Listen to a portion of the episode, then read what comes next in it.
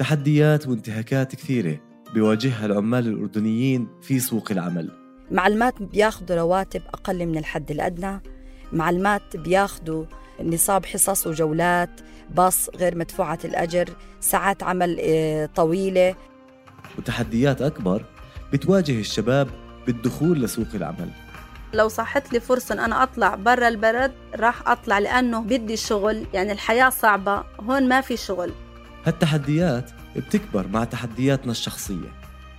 قدمت في أكثر من شركة بيجوا بيحكوا لك إنه بكرة مقابلة بتروح بتقابل بتم رفضك لأنه أنت ذوي إعاقة. مش بس الأردنيين العمال المهاجرين في المملكة أكثر عرضة للانتهاكات في سوق العمل. كل يوم فكري يمكن أعطيكي مصاري كل كل يوم وقولي كل يوم أعطيكي أعطيكي ما أعطيكي بعدين بعدين بعدين. عاملات المنازل حبيسات البيوت. ما فيش طريقة تقدم شكوى. ما فيش طريقة تطلع من البيت تقول مش عم يدفع لي أجري. أنا معكم أنس ضمرة بموسم جديد من بودكاست ما العمل.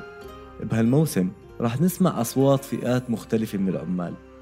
أردنيين ومهاجرين عاملين ومتعطلين عن العمل. أشخاص من ذوي الإعاقة بيواجهوا تمييز أثناء محاولاتهم المتعثرة لدخول سوق العمل.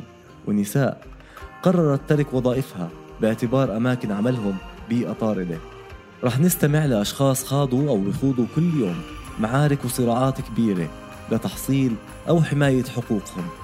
الواحد بحس بغصة إنه مش قادر يأسس حاله في بلده حياة حلوة هو بده إياها حياة كريمة. ما بحكي لك حياة والله حياة البذخ أو حياة الراتب الكثير عالي. لا حياة كريمة.